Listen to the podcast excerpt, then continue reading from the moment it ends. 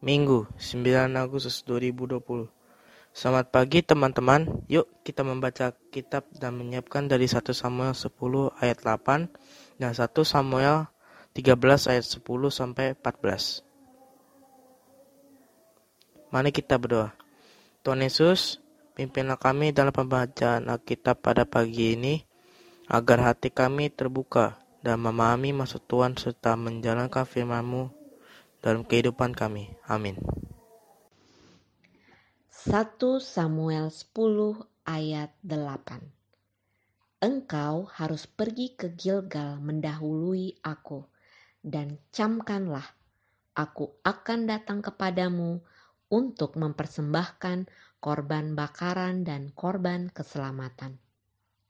Engkau harus menunggu tujuh hari lamanya, sampai aku datang kepadamu dan memberitahukan kepadamu apa yang harus kau lakukan.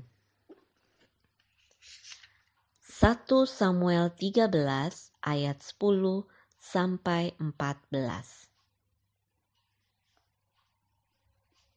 Baru saja ia habis mempersembahkan korban bakaran, maka tampaklah Samuel datang Saul pergi menyongsongnya untuk memberi salam kepadanya. Tetapi kata Samuel, "Apa yang telah kau perbuat?"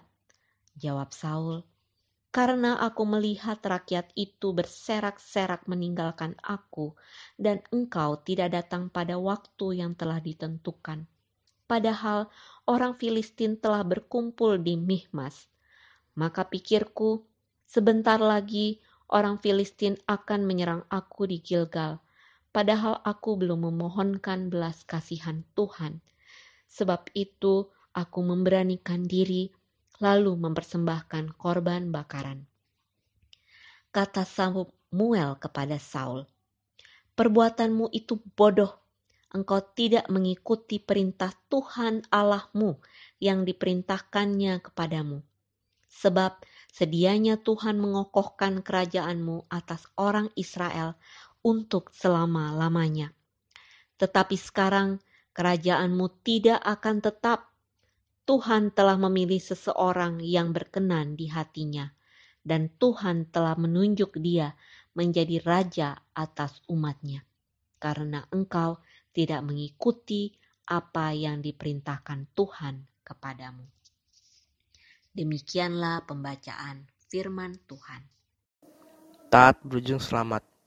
Tuhan secara khusus telah memerintahkan Saul untuk tinggal di Gilgal menantikan kedatangan Samuel yang akan mempersembahkan korban dan memberikan pengarahan. Allah menguji ketaatan Saul dengan secara sengaja menunda kedatangan Samuel sampai melewati tujuh hari yang telah disetujui. Dalam perasaan putus asa dan angkuh, Saul sendiri langsung mempersembahkan korban tentangan dengan firman Allah karena Saul gagal menaati permintaan Allah. Samuel memberitahukannya bahwa Allah akan mengambil kerajaan itu darinya. Teman-teman, Tuhan ingin anak-anaknya mengikuti kehendaknya. Ada saatnya kita tidak mengerti alasan Tuhan memerintahkan seperti itu.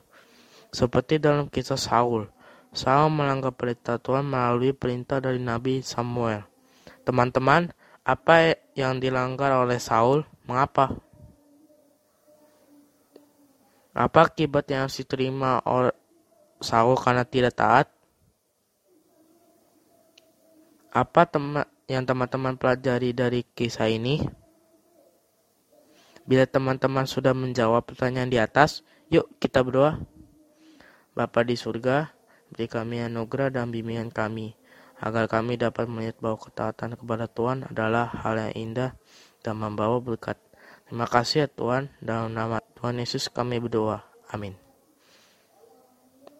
Dengan pembacaan Alkitab pagi ini, yuk teman-teman kita tahu kalau ada konsekuensi dan ketidaktaatan, dan juga ada berkat saat mengerjakan ketaatan.